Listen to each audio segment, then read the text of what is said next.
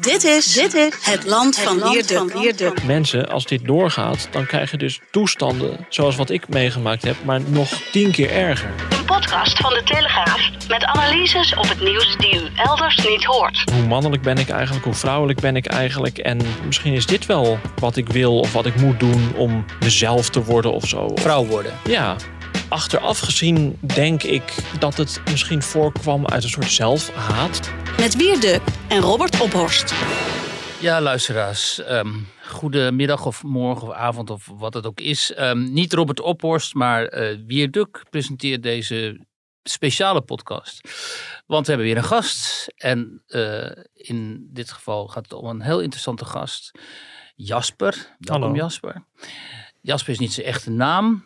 Maar om redenen die uh, in het gesprek duidelijk zullen worden, uh, uh, geeft hij de voorkeur aan om niet onder zijn eigen naam hier um, te spreken. wat wil het geval? Jasper is transgender, althans hij heeft lang gedacht dat hij dat was. Hmm. Hij heeft lang gedacht dat hij eigenlijk geen jongen was, maar een vrouw. En ook pogingen ondernomen om in transitie te gaan, zoals het heet. Weliswaar is hij niet geopereerd, maar je hebt destijds wel medicatie gebruikt. Mm -hmm. Je bent je ook als vrouw gaan identificeren, zeg maar. Ook uh, in vrouwenkleren gaan, gaan lopen. Mm -hmm. En je echt je ook gaan gedragen als vrouw en zo. Daar ben je uiteindelijk op teruggekomen. En nu zit hier een, een jonge man tegenover mij. Met, waar je in geen enkel opzicht zou kunnen denken dat je eigenlijk vrouw zou voelen. Of niet mannelijk zou voelen, laat ik, het zo, laat ik het zo zeggen. Jij bent hier omdat ik gesproken heb eerder voor de Telegraaf in een stuk over de transgenderwet eigenlijk die eraan zit te komen. Even uh, uitleg voor mensen die, uh, niet iedereen zal daar precies weten wat dan over gaat. We hebben al een transgenderwet en er komt een aanpassing aan. Daarover wordt gedebatteerd in de Tweede Kamer op 5 september. En die aanpassing houdt in dat je tegenwoordig, of dat je vervolgens ook, als de aanpassing niet door is, als je een man bent bijvoorbeeld zoals Jasper en je voelt je vrouw zoals Jasper ook destijds toen hij jonger was, dat je je geslacht kunt laten wijzigen uh, als je dat wilt. Dus je kunt puur op gevoel, hè, ik voel mijn vrouw, bij wet laten wijzigen dat je uh, geen man meer bent, maar vrouw. En omgekeerd ook. Nou, dit heeft natuurlijk allerlei enorme uh, complicaties, juridisch, medisch, ethisch ook. En daarover gaan wij het hebben. Um, en he, geen betere gesprekspartner in dit geval natuurlijk dan jij. Omdat jij hebt het enorm geworsteld met deze problematiek. En je bent tot allerlei conclusies gekomen. Daar gaan we wat uitgebreider op in. Uh, lijkt me enorm interessant. Ja. Um, Overigens, ja, ja. voor de duidelijkheid, uh, dat is nu eigenlijk ook al zo dat je, je je geslacht kan laten aanpassen, maar je hebt wel een, een deskundige verklaring Precies. nodig. Ja. En dat willen ze dus afschaffen. En daar gaat die nieuwe wetsvoorstel over. Ja, helemaal mijn fout, want daar gaat het inderdaad om. Je, tot nog toe moest je dan de deskundige verklaring van een medisch specialist of psycholoog of, hè, uh, aanvragen. En op basis daarvan kon je dan je geslacht laten wijzigen. Maar nu kan het dus puur op jouw eigen gevoel. Dus op je, je bent zelf eigenlijk je eigen om het heel grof te zeggen, je keurt je eigen vlees, daar komt het dan op neer. En dat is het problematische eraan ook. Nou, wat is zoals gezegd, dit raakt aan allerlei thema's. Maar laten we eerst beginnen. Um, Wanneer begon bij jou die genderdysforie? Want daar komt het op neer. Hè? Ja. Genderdysforie is als je gaat twijfelen of je wel in het, in het juiste lichaam uh, zit. Ja, het gevoel van onbehagen is het eigenlijk bij, je, bij je, het, het geslacht wat je hebt en de, ja, zeg maar de sociale rol die daarbij hoort. En uh, bij mij is dat ontstaan toen ik een jaar of 19 was. Vrij laat dus eigenlijk. Ja. En hoe, uit, hoe begint zoiets? Hoe uitzicht dat? Nou, ja, ik heb jou destijds voor het uh, interview in de Telegraaf al een beetje mijn achtergrond verteld. Ik, uh, ik had altijd in de puberteit moeite met, nou ja, al die verandering die de puberteit meebrengt. Dus dat je een, dat je van jongen dan een man wordt en dat je je lichaam gaat veranderen. Uh, dat je naar de middelbare school gaat. En ik was toch, ik was op school, ik was nooit een, een meisjesachtig jongetje. Ik was altijd vrij uh, redelijk normaal qua jongensachtigheid. Ik was niet echt het stoerste jongetje van de klas. Maar je sportte wel? Ik sportte wel en ik hield van voetbal en, enzovoort. En uh, dus ik was niet echt heel stereotyp mannelijk of vrouwelijk. Ik was gewoon, een, dat betreft, een vrij gewoon jongetje. Um, nou, werd ik wel in sociaal opzicht, viel ik altijd een beetje buiten de boot. Was je een nerd of zo? Ja, een beetje wel. En um, eh, dat, dat, daar heb ik in de tijd dat ik naar de middelbare school ging heel veel moeite mee gehad. Want ik ben, ehm, ik moest mijn vriendengroep die ik in de loop der jaren opgebouwd had, vaarwel gaan zeggen. Ehm, nou, ik kwam op een school terecht waar ik eigenlijk niet naartoe wilde. En, Werd ehm, jij gepest? Ik werd gepest ook. eh, op de middelbare school in de brugklas heel erg. En ehm, ik heb die hele schooltijd heb ik eigenlijk besteed aan het, het overschreeuwen van mezelf. Het compenseren voor mijn, mijn onzekerheid. Dus ik ging me heel macho gedragen, heel stoer praten. Oh ja, je begon de, de street, eh, streetwise eh, te zijn. Ja, ja ik, ik, ik kwam opeens eh, eh, op een school waar andere kinderen dat veel meer hadden dan ik. En, en ik wist me daar eigenlijk geen houding te geven. Dus Mhm. ging ik dat maar een beetje imiteren. Mhm. Maar dan heel overdreven.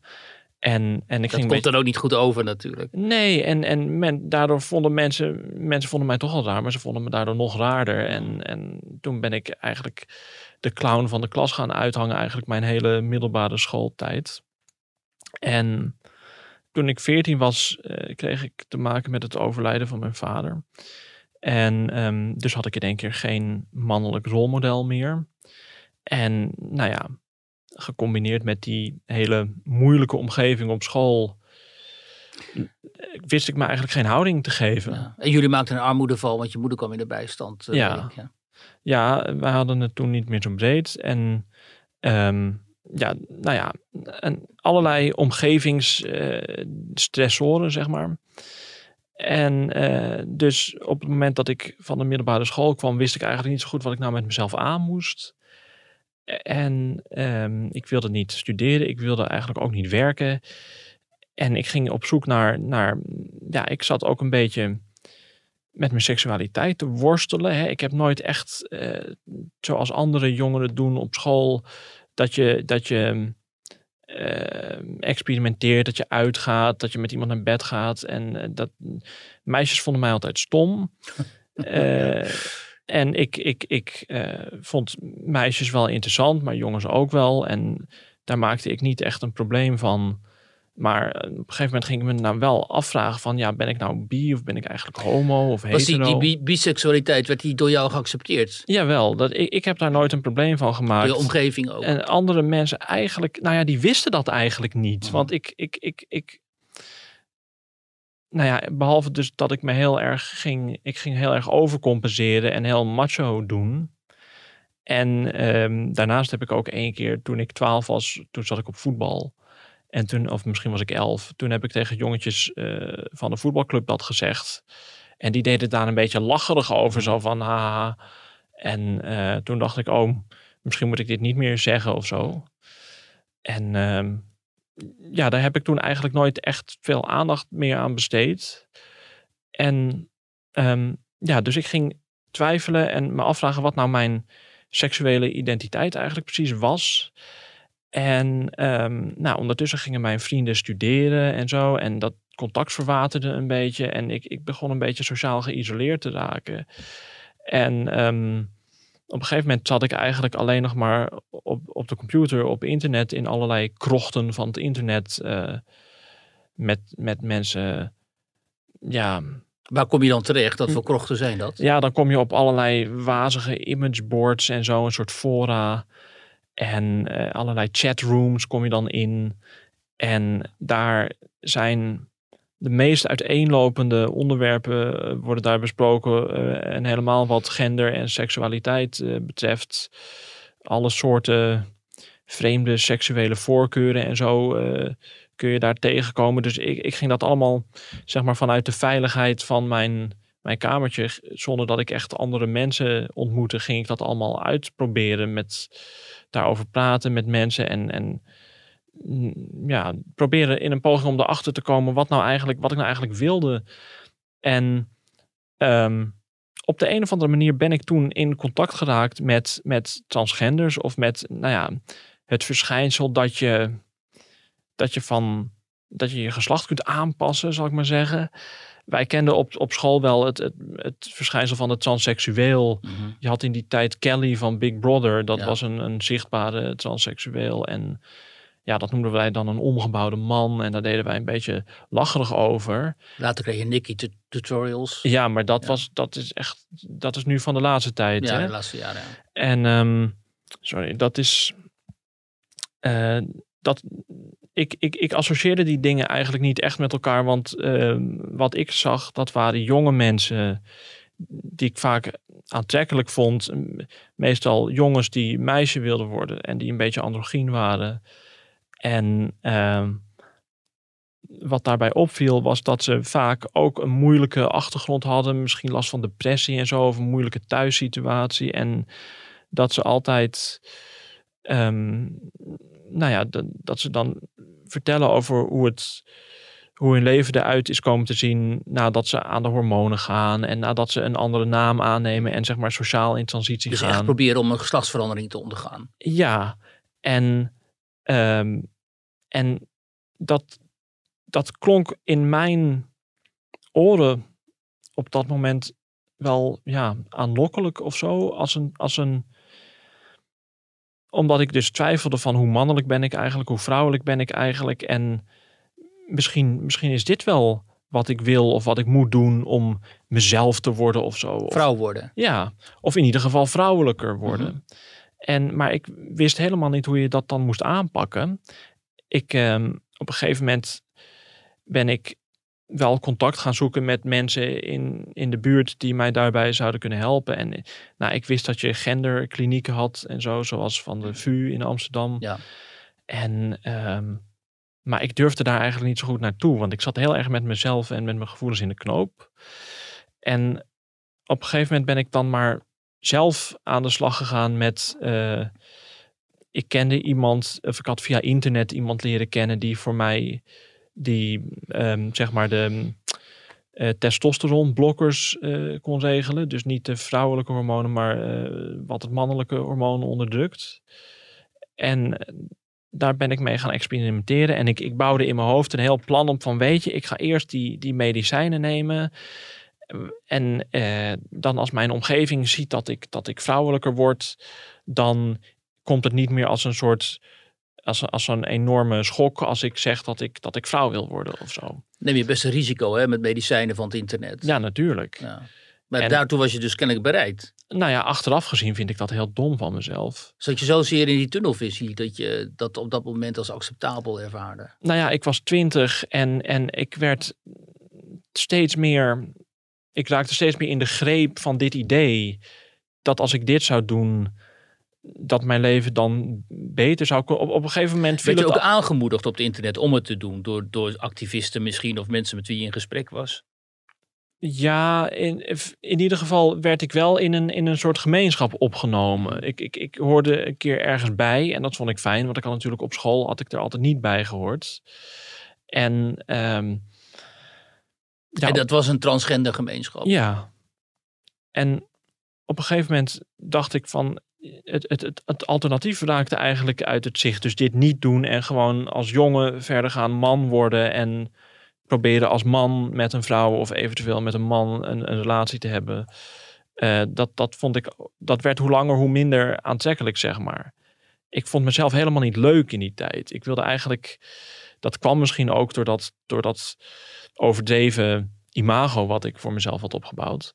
Dat macho imago. Maar ik, ik, ik zat echt vreselijk met mezelf en ik wilde eigenlijk zo ver mogelijk van mezelf wegkomen. Snap ik. Was je depressief? Ja, ik was, ik was depressief. Slikte je ook antidepressiva? Nee, dat heb ik nooit gedaan. En besefte je destijds dat je depressief was of pas achteraf? Dat is in, toen ik 21 was, is dat ge- geconstateerd. Ja, ja.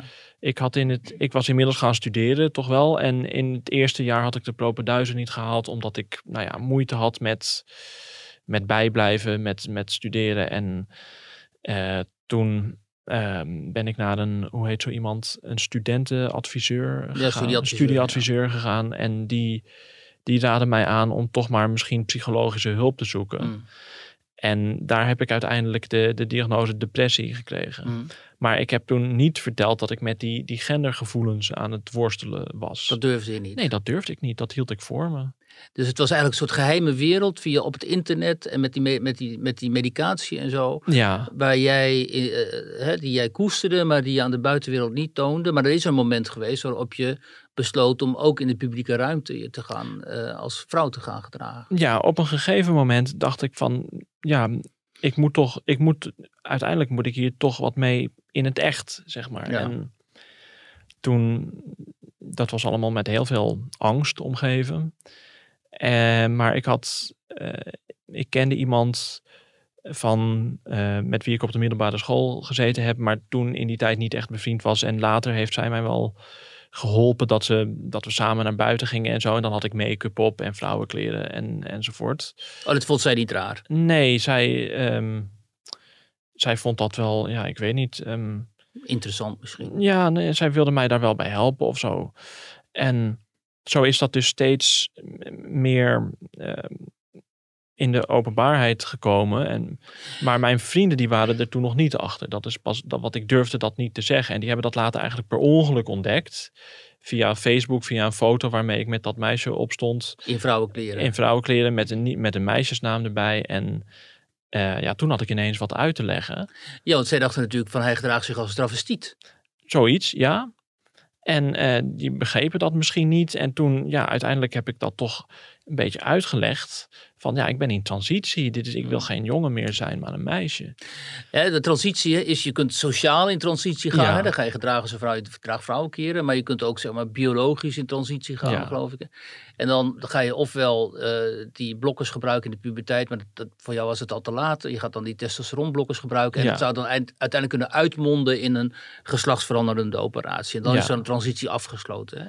Ja, maar tegenwoordig mag je dat ook al niet meer zeggen. Want eh, het idee dat je van dat, je, dat er een eindpunt is, zeg maar, dat is niet meer eh, politiek correct. Oké, dus het is altijd fluïde, zeg maar. Ja, iedereen mag dat helemaal zelf weten hoe je dat, dat inricht. Eigenlijk het idee is dat je, je mag zelf bedenken wat je identiteit is en wat het lichaam is wat daarbij Ja, hoort. precies. Het is een constructie geworden. Ja. Je kunt beide ook zijn als je zou willen. Ja, of je kan de ene dag man zijn en de andere dag Ja, vrouw. Ja. Of als je iets dan...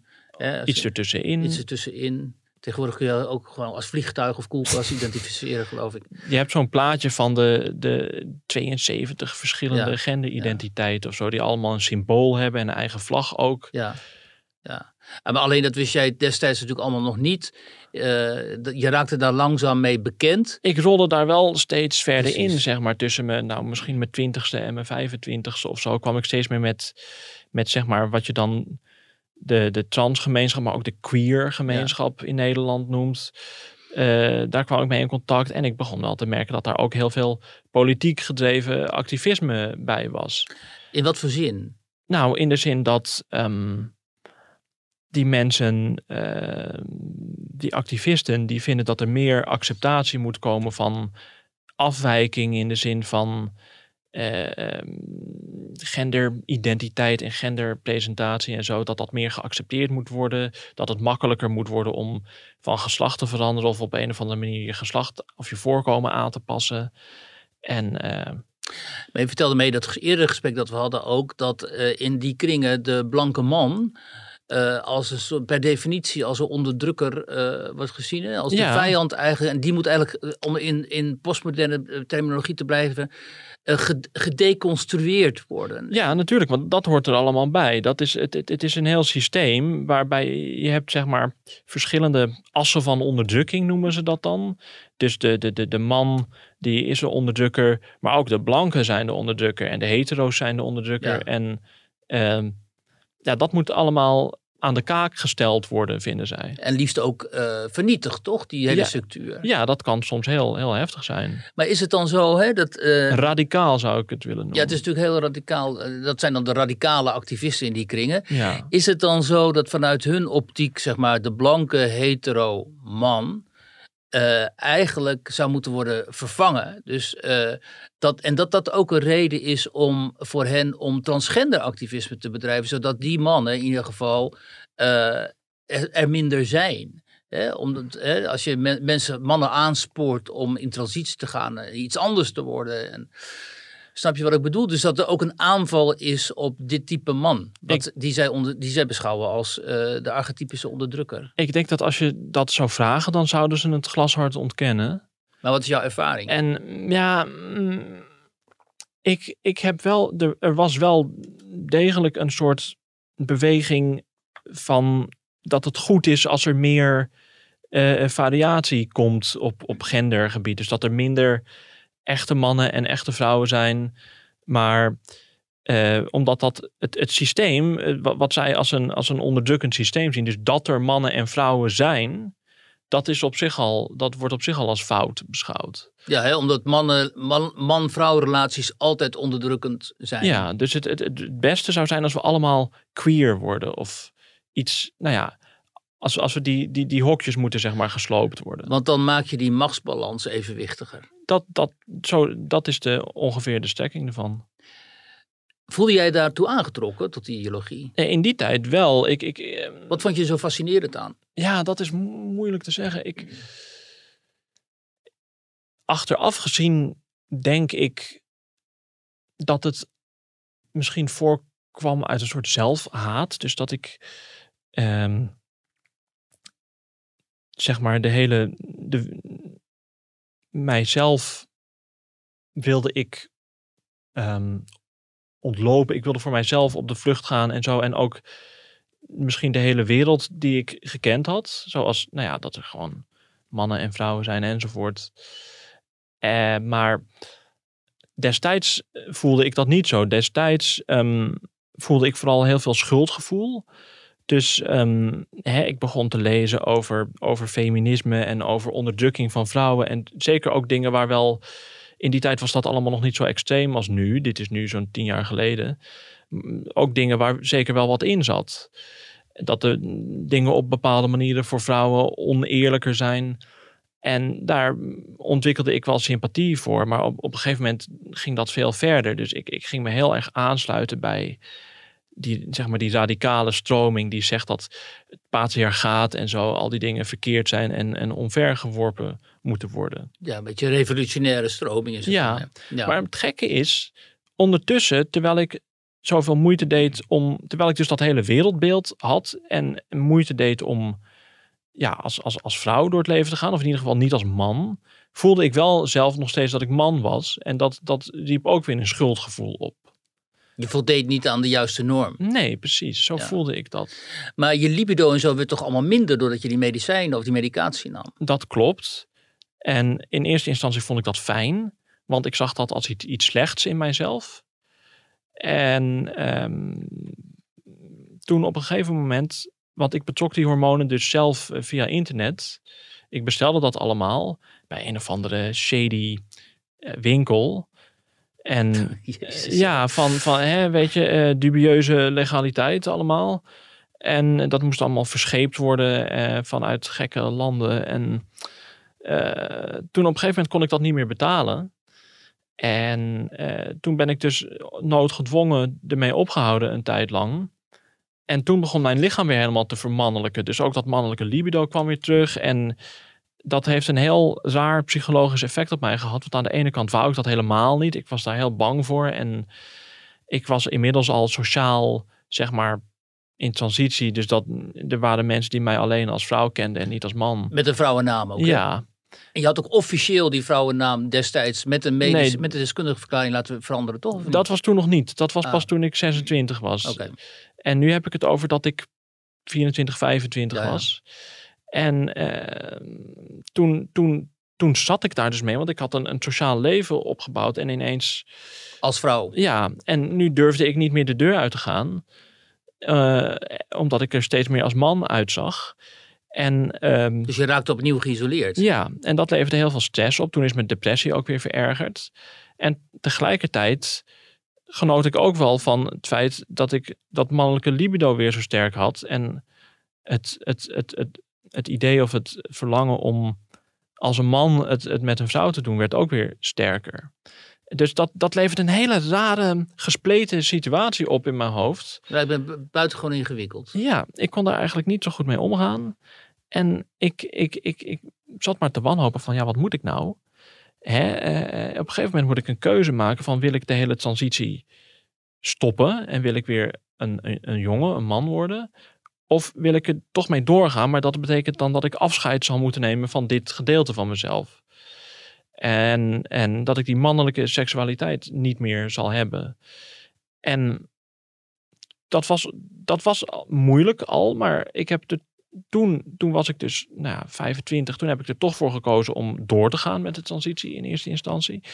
Toen ben ik ook uit armoede dan maar naar een genderkliniek gegaan. Want ik, ik, het was wel duidelijk dat dit altijd maar het zelf kopen van die hormonen niet, niet te doen was financieel en ook niet veilig was. En eh, dat het beter zou zijn om het onder begeleiding te doen van, van artsen. Nou, en toen heb ik een hele tijd, misschien een, een, een half jaar, therapie gevolgd. Niet bij de VU, want die hadden op dat moment juist een patiëntenstop, maar bij een andere. Maar je was wel naar die genderkliniek van de VU gegaan. Ik had me daar aangemeld en toen hadden ze geen ruimte. Ah. En eh, toen ben ik ergens anders naartoe gegaan. Eh, en daar heb ik van een, van een psycholoog begeleiding gekregen. En uiteindelijk heeft zij die deskundige verklaring voor mij geschreven. En ze heeft me in contact gebracht met een, een ziekenhuis waar ik een eh, recept voor die hormonen kon krijgen. Dus toen ben ik weer aan de hormonen gegaan en ik heb mijn naam en geslacht bij wet laten veranderen. En toen was ik dus 26.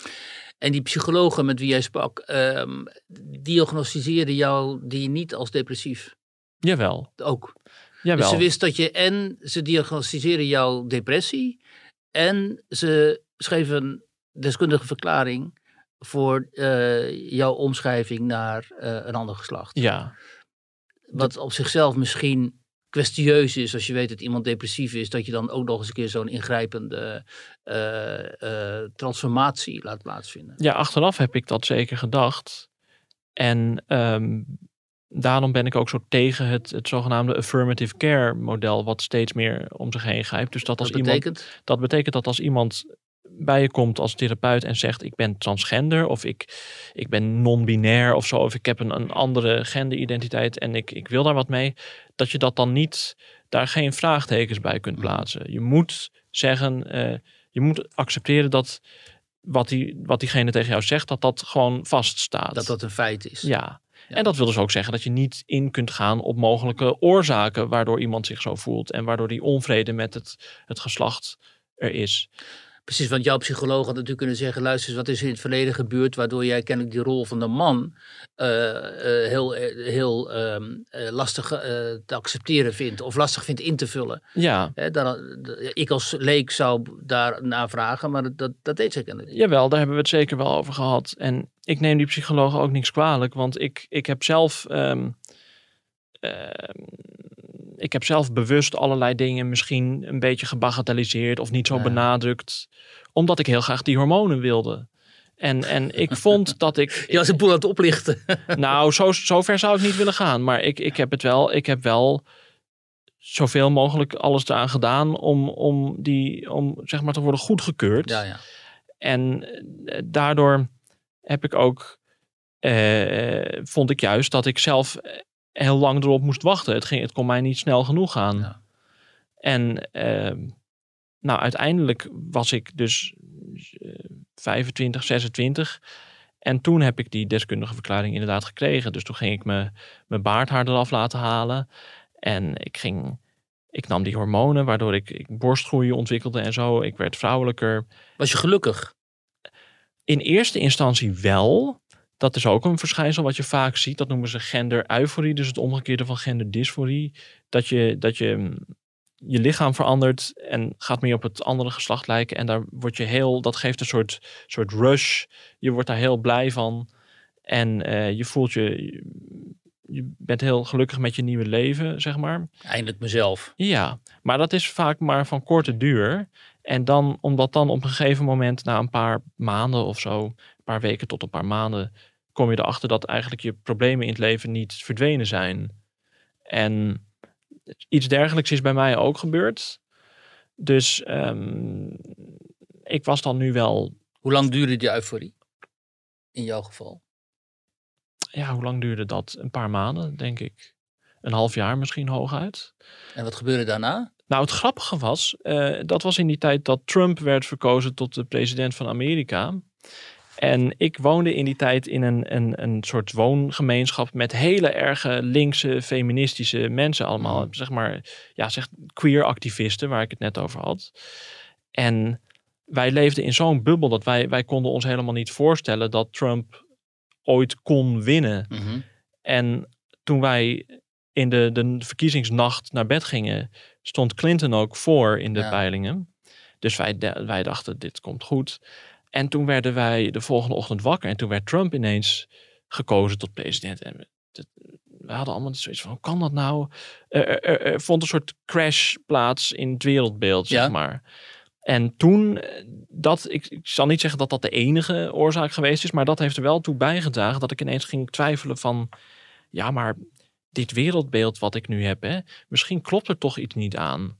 En toen, toen ging ik me steeds meer verdiepen in, ja, hoe, hoe zit het nou eigenlijk? Is het, wel, is het eigenlijk wel goed? Ik ging opeens second guessen. Ik ging mezelf weer, ik ging weer vraagtekens plaatsen bij mijn keuzes. En ik, ik, ik, ik merkte ook dat ik in, in, in romantisch opzicht, in relatieopzicht, ook niet echt succes had. Want ik was nu wel, ik was nu wel eh, zoals ik wilde zijn. Ik zag eruit zoals ik eruit wilde zien, min of meer. Maar ik kon niet echt een, een, een leuke partner vinden die mij ook leuk vond om een relatie mee aan te gaan. En ik heb in die tijd wel ervaringen gehad met, met meisjes die misschien bi waren, maar toch meer hetero. En die mij wel leuk vonden, maar die toch liever ja, een, iemand van het mannelijk geslacht die zich ook echt als man uit hadden. En een gegeven moment ging ik denken van ja, ik doe mezelf eigenlijk, ik breng mezelf eigenlijk in de moeilijkheden. Mhm. Ik, ik, ik, ik, wat ik nu de afgelopen jaren heb zitten doen, is eigenlijk helemaal niet gezond en niet. Die, het brengt me alleen maar verder, eh, In de puree. verder in de puree in plaats van dat het iets oplost. En, en maar ja, ik, ik, zat daar, ik was wel heel ver al erin gegaan. Dus er was ook zo'n gedachte van ja, ik kan niet meer terug. Even voor de goede orde, je had nog gewoon wel alle geslachtskenmerken van een man, hè? Ik had alle geslachtskenmerken van een man. Ik heb, ben, heb nooit operaties ondergaan. Mhm. Ik had wel borstgroei en eh, lichaamshaar was natuurlijk verdwenen. En dus ik zag eruit als een, ja, hoe moet je dat noemen? Een, een, een vervrouwelijkte man Ja, ja. eigenlijk. Hè? In die tijd dacht ik ook dat, dat, dat veel mensen niet zagen dat ik man was en dat ze mij echt als vrouw zagen. Omdat dat ook, dat wordt ook heel erg opgehyped van Ja. iedereen, iedereen steunt je en Ja. iedereen zegt dat je mooi bent. En eh, als, je, als je daar een kanttekening bij plaatst of zo, dan ben je ook al Transfoob. transfoob. Ja. Ja. zeker. Je bent de boosdoener. Nou ja, ik, ik ging me steeds meer verdiepen in, in waarom dat eigenlijk niet klopte. Dus er is gelijktijdig is er een soort verandering in mijn wereldbeeld eh, heeft plaatsgevonden en een verandering in mijn eigen identiteit, Mhm. omdat die twee dingen met elkaar samenhangen. Dat begon ik te beseffen. En toen, Binnen die wereld van die activistische queers daar waar jij woonde, met wie jij samenwoonde. Ja. Ja. Ja, en dat was ook nog lastig, want ik begon dus opeens, hè, ehm, ik begon mij weer wat androgyner te kleden. Ik liet mijn haar knippen, want ik wilde wel eens uitproberen met een wat mannelijker presentatiestijl, zonder dat ik echt al zei, ik wil weer man worden. Ja. Want daar was ik zelf ook nog niet helemaal uit. Ik dacht, misschien moet ik een soort tussenvorm vinden of zo. Ik was per slot van rekening al bij de wet eh, van geslacht veranderd. Hè? En ik zag allemaal beren op de weg van, ja, maar als je dat nou weer ongedaan moet maken, is een heel gedoe. En Ja. uiteindelijk ben ik wel van de hormonen afgegaan. En ja, ik ging heel veel sporten, heel veel fitness. Het klinkt misschien een beetje stereotyp, maar dat, dat hielp mij wel om mijn lichaam weer te ontdekken. En zeg maar voor het eerst sinds ik in de puberteit was gekomen, misschien van mijn lichaam te gaan houden. Mhm. En ook het feit dat het een mannelijk lichaam was, dat werd opeens veel minder erg. En dat was iets geweest waar ik al die tijd voor aan het wegrennen was. En ineens kon ik dat accepteren. En ik Mhm. dacht, ja, maar als ik dit kan accepteren, dan hoef ik toch al deze dingen niet te doen met die hormonen en met een, een vrouwelijke identiteit hebben. Ja, ik ben dus met de hormonen gestopt en toen wist ik, nou, dan is het eindresultaat dat je langzaam weer man wordt. Maar ik zat dus nog in een soort omgeving waar man, mannen en zeker ja, blanke hetero mannen niet, niet geaccepteerd worden of waar niet welkom zijn. En daar zat ik dus mee, want deze mensen waarvan ik dacht dat het vrienden waren of toch zeker, nou ja, ze stonden me wel nabij omdat ik elke dag met ze omging. eh, daar ontstond steeds meer wrij- wrijving tussen. Waren zij eh, zelf transgender of man, vrouw? Eh, Allerlei verschillende ehm, lesbiennes, transgenders en non-binaire mensen. maar weinig witte mannelijke eh, Geen enkele. hetero's. Geen enkele. Ja. Eh, het- sterker nog, het was, een, het was een soort woongroep specifiek voor Deze mensen. Ja. Nou, en ehm, dat is dus uiteindelijk helemaal misgegaan. Want ik, ik begon eh, ongewenst eh, te worden daar. Gelukkig in die tijd ging ik verhuizen om ergens anders te gaan studeren. En ehm, hè, dus ik, dat, dat loste het probleem op omdat ik toch al wegging. Maar de laatste, laatste tijd die ik daar heb doorgebracht is voor mij niet leuk geweest. Omdat ik me heel ongewenst voelde. En ik, ik, Voelde je ook vijandig bejegend? Ja, eh, op een gegeven moment wel. En dat, dat heeft ook weer, dat, dat bevestigde nog eens het, eh, wat ik, het idee dat ik had van, kijk, zodra je het, het wereldbeeld niet meer aanhangt, het, je zou bijna zeggen het geloof niet meer aanhangt, dan hoor je er niet meer bij. En dan word je verstoten. Een soort secte lijkt het wel. Ja, het is inderdaad heel sectarisch. En ook heel politiek dus. Want, eh, Zeker. ja, Nou ja, je ziet het nu met die transgenderwet. ja. Dat is, die wet is er niet zomaar gekomen. Daar, daar is heel veel druk van, van lobbygroepen en activisten achter geweest. Ja, ja, ja, ja. Daar komen we zo op. Want jij bent toen dus uit die woongroep gestapt ook. eh, bent gestopt met die transitie. En eh, vanaf dat moment leef je als, weer als man. Ja, ik ben weer gewoon vrij normale man geworden, denk ik. En zonder allerlei gendergekte. Ja, ja. En, nu en- zeiden we eerder van, eh, je wilt eh, niet met je eigen naam hier genoemd worden, want je wilt dit achter je laten, eigenlijk Ja. dit verhaal. Maar eh, je wilt wel dit verhaal doen vanwege juist die aanpassing in die transgenderwet. Omdat je wilt waarschuwen voor, Ja, waar, waar wil je precies voor waarschuwen? mm, ik wil waarschuwen voor de, de nadelige gevolgen die deze wet kan hebben. Maar ook voor de nadelige gevolgen van het feit dat dat, dat wereldbeeld waarin gender een, een, een keuze is en een spectrum en geslacht er eigenlijk in feite niet toe doet, dat dat steeds meer verbreid wordt op scholen, maar ook in, in overheidsmateriaal en zo. Want dat kan hele heftige gevolgen hebben. Ja, dat is echt, dat is een van de allermerkwaardigste, denk ik, eh, kwesties van deze tijd. Dat eh, het eh, algemeen geaccepteerd begint te raken dat biologische feiten, namelijk er zijn twee geslachten, het mannelijke en het vrouwelijke, en af en toe zit daar iets tussenin, eh, dat, dat dat ontkend wordt tegenwoordig, dat dat zo is, en dat eh, geslacht een keuze zou zijn, en dan noemen we het gewoon gender. Sterker nog, ehm, als je het ontkent, dat er, als je niet ontkent, zeg maar, dat er twee biologische geslachten zijn, dan is dat al transfoob. Ja, Hè? Dus het, normaal gesproken zouden we denken, dit is dus gewoon een waanzin en een soort krankzinnige the- complottheorie bijna van een kleine minderheid. Maar de- die lobby is dus zo sterk en de angst van zeg maar, het establishment, eh, de politieke en mediale establishment op deze minderheid te kwetsen is zo groot dat dit ondanks dat echt iedereen, iedereen met gezond verstand natuurlijk begrijpt dat dit krankzinnig is, dat dit toch geaccepteerd is geraakt. Dat, dat je eigen, je eigen geslacht kunt bepalen. Dat ik nu zou kunnen zeggen, ik voel mij vrouw, dus ben ik vrouw, dus ik ga nu eh zometeen gebruik maken van die transgenderwet en ik ga mij laten registreren als vrouw. Ehm, Precies, en daarvoor hoef je niks aan jezelf te doen. Je kan gewoon hetzelfde blijven uitzien als nu. Je hoeft niet eens met een psycholoog te praten over wat je voelt, want überhaupt wat je voelt, eh, dat doet er niet toe. Wat je zelf zegt dat je voelt, dat, dat moet eh, geaccepteerd worden.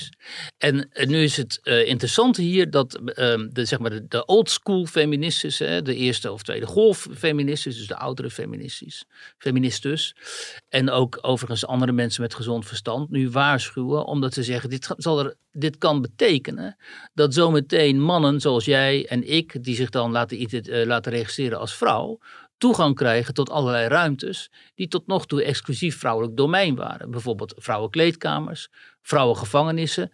En wij zien Vrouwensport. vrouwensport. eh, En wij zien dit inmiddels dus ook eh, gebeuren. Ja, en ook eh, stel je hebt een, een, een bedrijf of zo met een, een quotum dat er 50% vrouwen in de directie moeten zitten. Nou ben ik niet per se zo van die quota, maar hè, eh, je kan dan ineens, eh, als de, de hele directie uit mannen bestaat, maar de helft identificeert zich als vrouw, dan heb je 50% vrouw. Precies. Als En- Dick, Dick Benschop van eh, hè, zo meteen zegt ik ben vrouw, dan hebben we opeens een vrouw aan de top daar bij Schiphol. Precies.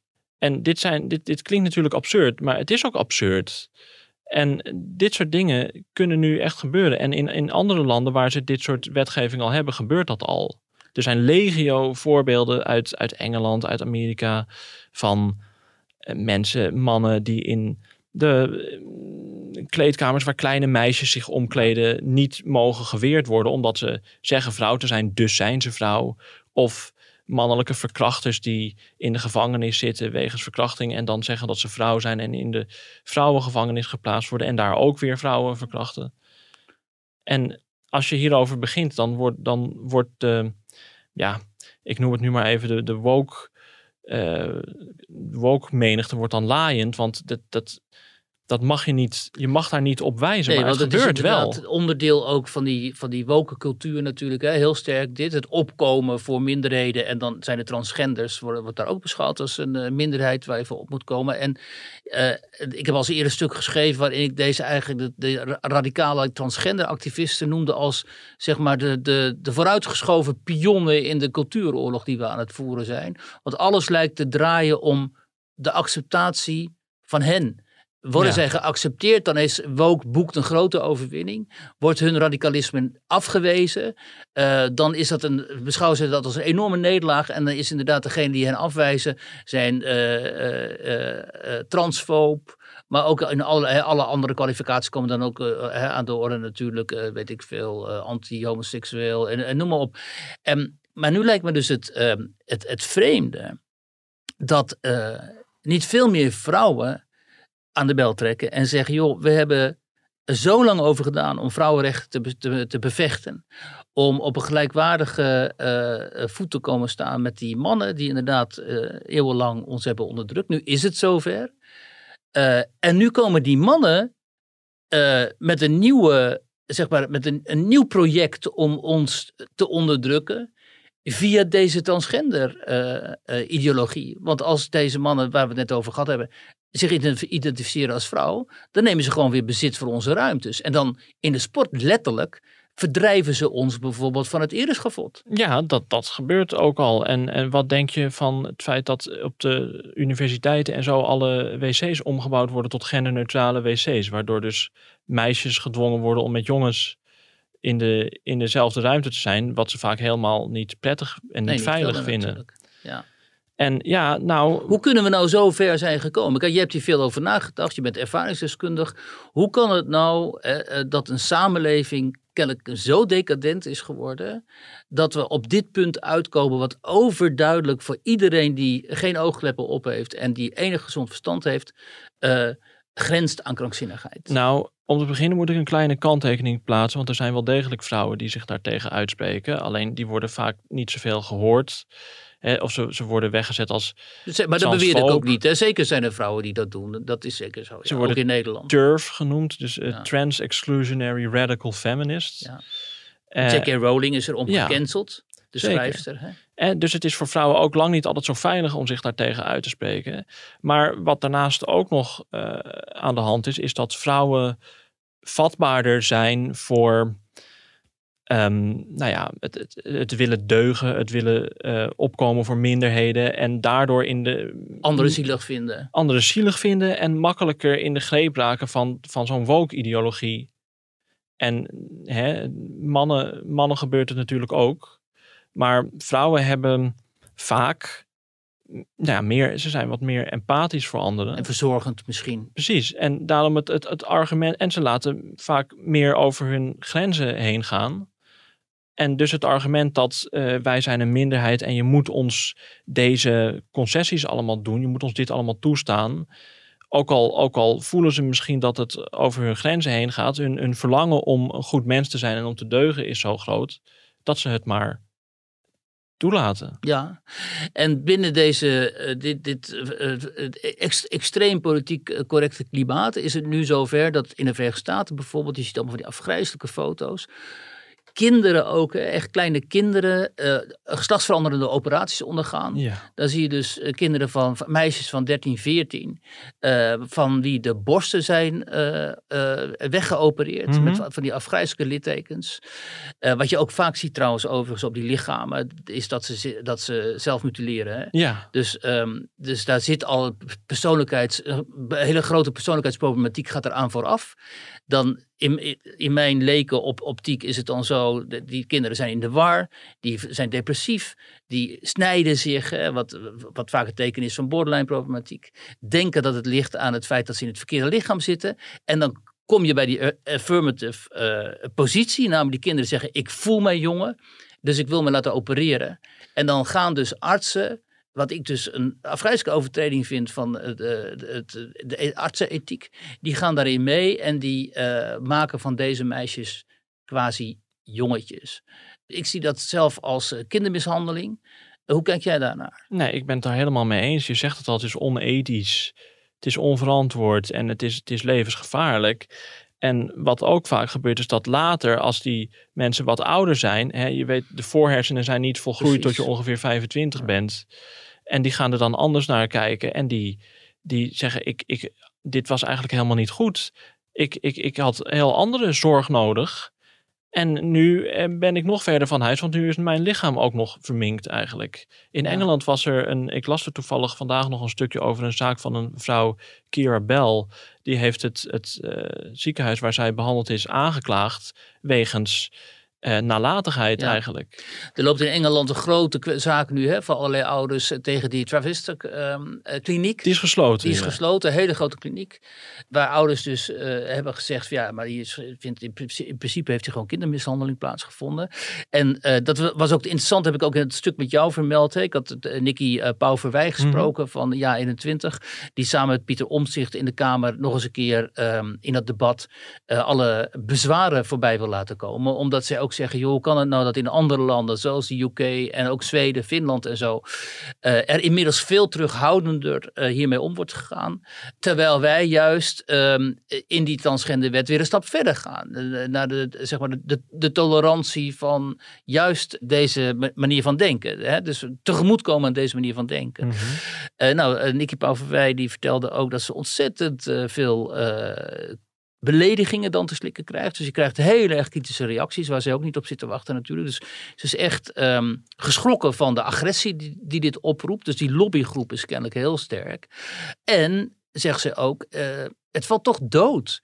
Omdat ook binnen de politiek en ook in de media kritiek op dat uh, transgenderisme heel sporadisch is. Omdat je er dus kennelijk um, zoveel niet alleen omdat je zoveel agressie mee oproept, maar ook omdat het zo beladen is. Je zag uh, dat bij de Volkskrant die uh, auteur Jan Kuitenbrouwer, die had zo'n column hierover. Ja, die heeft ook zijn column moeten stoppen. Dus bij de Volkskrant hebben ze die column uh, stopgezet. Het is bijna een muur die ondoordringbaar lijkt. Als het nou zo is, hè, mocht dit inderdaad nog steeds verder gaan. Hè? Hoe gaat dat er dan uitzien, denk je? Denk je dat, want het is nu ook een beetje een hype aan het worden. Er melden zich heel veel meisjes bij die genderklinieken tegenwoordig. Dat mm. moet ik nog even zeggen. Vroeger was uh, zeg maar de, de groep die zich meldde bij die transgenderklinieken om in transitie te gaan. Er waren dan mannen van middelbare leeftijd die al heel lang worstelden met zichzelf. En dan lieten ze zich uiteindelijk toch uh, om, ombouwen, om het maar eens onfatsoenlijk te zeggen. Uh, maar tegenwoordig krijg je dus heel veel van die pubermeisjes. Uh, ja, die elkaar ook via Instagram en, en zo natuurlijk ook aanmoedigen. In de tijd van de afgrijzelijke sociale media zoals Instagram, waarin al die meisjes eigenlijk een ster moeten zijn en dat niet kunnen zijn. En dan maar denken, weet je wat, ik zit in het foute lichaam, misschien gaat dat mij helpen. Een beetje zoals jij ook eigenlijk, maar dan als man. Krijg je dat? En Nicky Pauw en, uh, en Omtzigt die zeggen, bekijk dan eerst of er holistische zorg mogelijk is. Dus betrek die kinderen die zich daar melden eerst in een heel ander traject. Namelijk ga eens onderzoeken, wat zit er nou precies achter? Is het wel degelijk zo dat ze, zich in, dat ze in een fout lichaam zitten? Uh, of zit er autisme achter, depressie, zoals in jouw geval?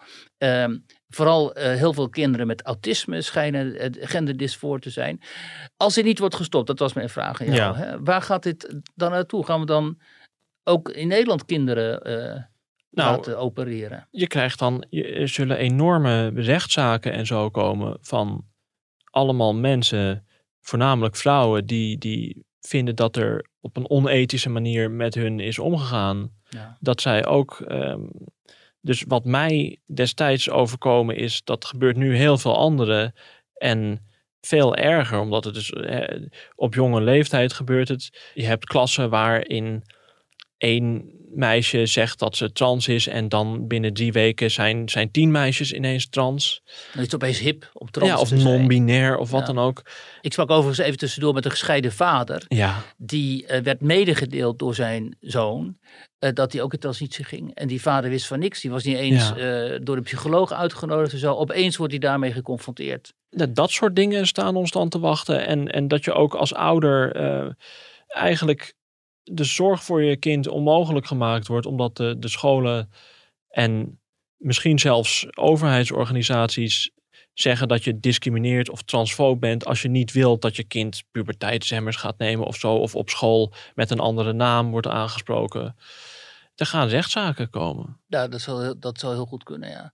Heb jij zelf niet nu zoiets van, joh, dat is een heel deel van mijn leven. Ja, Jij vertelde mij in het eerste gesprek van, ik heb eigenlijk heel veel jaren hieraan vergooid. Had ik dat maar niet gedaan. ja. Heb je zelf niet zoiets van, ik ga dit afsluiten, ik wil helemaal, helemaal niks meer mee te maken hebben? Nee, juist nu, omdat nu die transgenderwet eraan zit te komen, wilde ik heel graag dit verhaal doen. Mhm. Hè? En ik denk wel ook dat je begrijpt waarom ik het anoniem wilde doen, omdat het nogal inderdaad een heel beladen kwestie is. Maar ik denk dat eh, dit mogelijk een waarschuwing kan zijn van mensen. Als dit doorgaat, dan krijg je dus toestanden zoals wat ik meegemaakt heb, maar nog, nog tien keer erger. Ja. Want als je eenmaal geslachtsveranderende operatie hebt ondergaan en je wilt dan later in detransitie, zo heet Ja. dat geloof ik hè. Ja, dan zit je natuurlijk helemaal in een heel ingewikkelde situatie. Ja, Jij kende iemand hè, geloof ik, die inderdaad die operatie had ondergaan en eh, zich toch weer niet goed voelde in, in, in dat nieuwe lichaam. Ja, ik weet niet eh, of ik daar heel veel over kwijt kan, maar dat, dat- was iemand die inderdaad eh, zich heeft laten castreren in feite. Dus een man die vrouw wilde worden en de teelballen heeft laten weghalen en daarna toch weer erop terugkwam en dan ben je dus man en heb je geen ballen meer. Nou, dat is ook nogal Ingewikkeld. ingewikkeld en onhandig. Nou ja, dat is misschien wel een voorbeeld van het soort, het soort kwetsbare mensen. Want dat is iemand die heel veel problematiek heeft en met zijn, met zijn identiteit nu ook weer toch weer vrouwelijk wil worden, is het laatste wat ik ervan hoorde. Ik spreek hem niet zo vaak meer. Maar juist de kwetsbare mensen die toch al met zichzelf worstelen, die zoals ik een, een moeilijke achtergrond hebben met veel persoonlijke trauma's. Bij meisjes speelt er ook vaak seksueel misbruik mee. Of ze hebben inderdaad autisme. Of eh, op de een of andere manier zijn ze kwetsbaar. Die ze zullen juist het slachtoffer worden hiervan. Omdat ze graag erkenning willen krijgen en ergens bij willen horen. Ja. En je, je kunt door het uitspreken van een, een transgender identiteit of een niet-binaire identiteit, kun je in één klap als het ware van het sukkeltje van de klas een van de populaire kinderen worden. En dat is natuurlijk ontzettend. Dat is een hele interessante gedachte, omdat eigenlijk dan, als je dat uitspreekt, dan ben je onkwetsbaar geworden, onaanraakbaar geworden voor kritiek. Hè? In feite wel. Het is een soort, een soort groep die boven alle kritiek verheven is. Ja, dus een minderheid die niet bekritiseerd mag worden. Ja. En het, het, het, het eind van het liedje is eh, dat dus de wereld verdeeld wordt in verschillende groepen. Niet alleen op basis van gender, maar ook ras enzovoort. Eh, waarin de, zeg maar, de onderdrukte minderheden boven, boven alle kritiek verheven zijn. Ja. Ja. Dus aan de ene kant is, hè, wat fascinerend is dit. Want kijk, vroeger hadden, laten we zeggen, nu even spreken over meisjes. eh, in die kwetsbaar in de puberteit, worstelen met uw identiteit. eh buitengewoon gevoelig voor sociale eh, druk natuurlijk. En eh, of je er al dan niet bij hoort. En vooral ook hoe je eruit ziet. Als je dan kwetsbaar bent en je net bent niet het populairste meisje van de klas en je kan misschien niet zo goed meekomen enzovoort enzovoort. Dan had je vroeger natuurlijk uitwijkmogelijkheden van, nou ja, dan, dan, hè, dan, dan, ehm, dan ging je maar zeg maar met de kinderen om die eh, dan een beetje uitgesto- uitgestoten werden en zo. Of eh, je, je, zonderde, je zonderde je misschien af op de sociale media. Maar nu heb je dus een heel, heel nieuw belangrijk eh, mechanisme om uit die ellende te geraken, althans in jouw beleving. Ja, Je zegt, ik ben een jongen. En dan laat je, ga je in transitie en dan word je deel van deze groep. En dan ben je opeens, krijg je een hele andere sociale status. en dat was natuurlijk in mijn tijd wel anders. Want toen werd het nog gezien als iets, iets raars eh, waar misschien op neergekeken werd. En nu is het niet alleen eh, geaccepteerd en genormaliseerd, maar het wordt zelfs gepopulariseerd. Ja. En het brengt heel veel sociale status inderdaad met zich mee. En hè, begrijp me niet verkeerd. Ik zeg natuurlijk niet dat mensen met gevoelens van genderdysforie of zo, dat we daar naar tegen moeten doen. Nee, dat moeten we wel heel veel erg duidelijk maken. Er is dat- natuurlijk een groep die concreet worstelt met dit probleem. En die ook alle mogelijkheden moet krijgen in de samenleving om eh, dat probleem eh, op te lossen. Ook al bestaat dat misschien uit een geslachtsveranderende operatie. Ja, maar ik moet wel zeggen dat ik denk dat dat in de, de overgrote minderheid van de gevallen zo zal zijn. Denk jij met jouw ervaringen? Ja. Ik, ja, nu ga ik misschien iets heel controversieels zeggen, maar ik betwijfel überhaupt of het uitvoeren van geslachtsoperaties, of dat wel een, een goede oplossing is überhaupt. Want wat je bijvoorbeeld ziet is dat er zijn wel eens onderzoeken gedaan, ik meen in Zweden, eh, mensen die voor de geslachtsoperatie suicidaal waren, zijn na de geslachtsoperatie nog steeds suicidaal. En dat is misschien een, een, een moeilijke. Maar er zijn natuurlijk ook successen. Hè? Iemand als de schrijver en columnist eh, Februari bijvoorbeeld. Zeker. Ja, de- En En ik ken ook, ik, ik- persoonlijk ken ik ook een aantal mensen die, heel, die in transitie zijn geweest en nu vrouw zijn en daar heel blij mee zijn. En ook eh, die vrouwenrol, eh, die, die, die past hen gewoon als gegoten. nou, wat ik wel vind is dat je als volwassene zelf eh, verantwoordelijkheid moet kunnen nemen voor je eigen beslissingen. En als je dat dan ook doet, dan, dan wie ben ik dan om daar wat van te zeggen? Maar ja. het gaat wel, hier gaat het om pubers, jongeren, Ja. kinderen zelfs. Ja, ja precies. Dat is natuurlijk een groot gevaar. Dus zouden in ieder geval die leeftijdsgrens moeten stellen waarschijnlijk. Of al, eh, en indien niet, dan in ieder geval onder hele, hele goede deskundige eh, medische, psychologische begeleiding. Ik zou zeggen, verhoog de leeftijdsgrens en ge- gebruik eerst een, een psychologische intensieve behandeling. Omdat je dan heel veel gevallen eruit gaat filteren voor wie uiteindelijk zo'n transitie niet de, de juiste oplossing Ja. blijkt. We gaan het zien, we gaan het debat volgen 5 september. Ehm, Zeker. Kijken waar het uitmondt. Jasper, ontzettend veel dank eh, voor dit gesprek. Misschien, eh, misschien zeg jij nog van ja, dit, dit- had ik nog even willen noemen. Maar volgens mij zijn we heel omstandig eh, hebben en heel gedetailleerd overal op ingegaan. Omdat dit hebben we ook bewust gedaan, omdat voor veel mensen dit natuurlijk nog een hele ingewikkelde en misschien wel onbekende problematiek is. Dit is een, eh, een, een conversatie, een debat wat we als samenleving moeten hebben en wat nog wel even gaat duren. Ja, laten we ook hopen dat aan de talkshowtafels eigenlijk dit soort geluiden ook eh, aan bod zullen Ja, komen, precies. hè? Dit, daar hoop ik dan misschien met dit gesprek een bijdrage aan te leveren, zodat het wat meer onder de aandacht komt. Ja, prima. Nou, nogmaals heel veel dank voor je moed en voor jouw reis eh, hier naartoe. Graag gedaan. En ehm luisteraars, we hopen dat het gesprek in ieder geval inzicht heeft gegeven in een eh, problematiek die op dit moment eh, heel actueel is. En in mijn ogen, onze ogen ook, heel belangrijk. Tot de volgende keer. Dankjewel.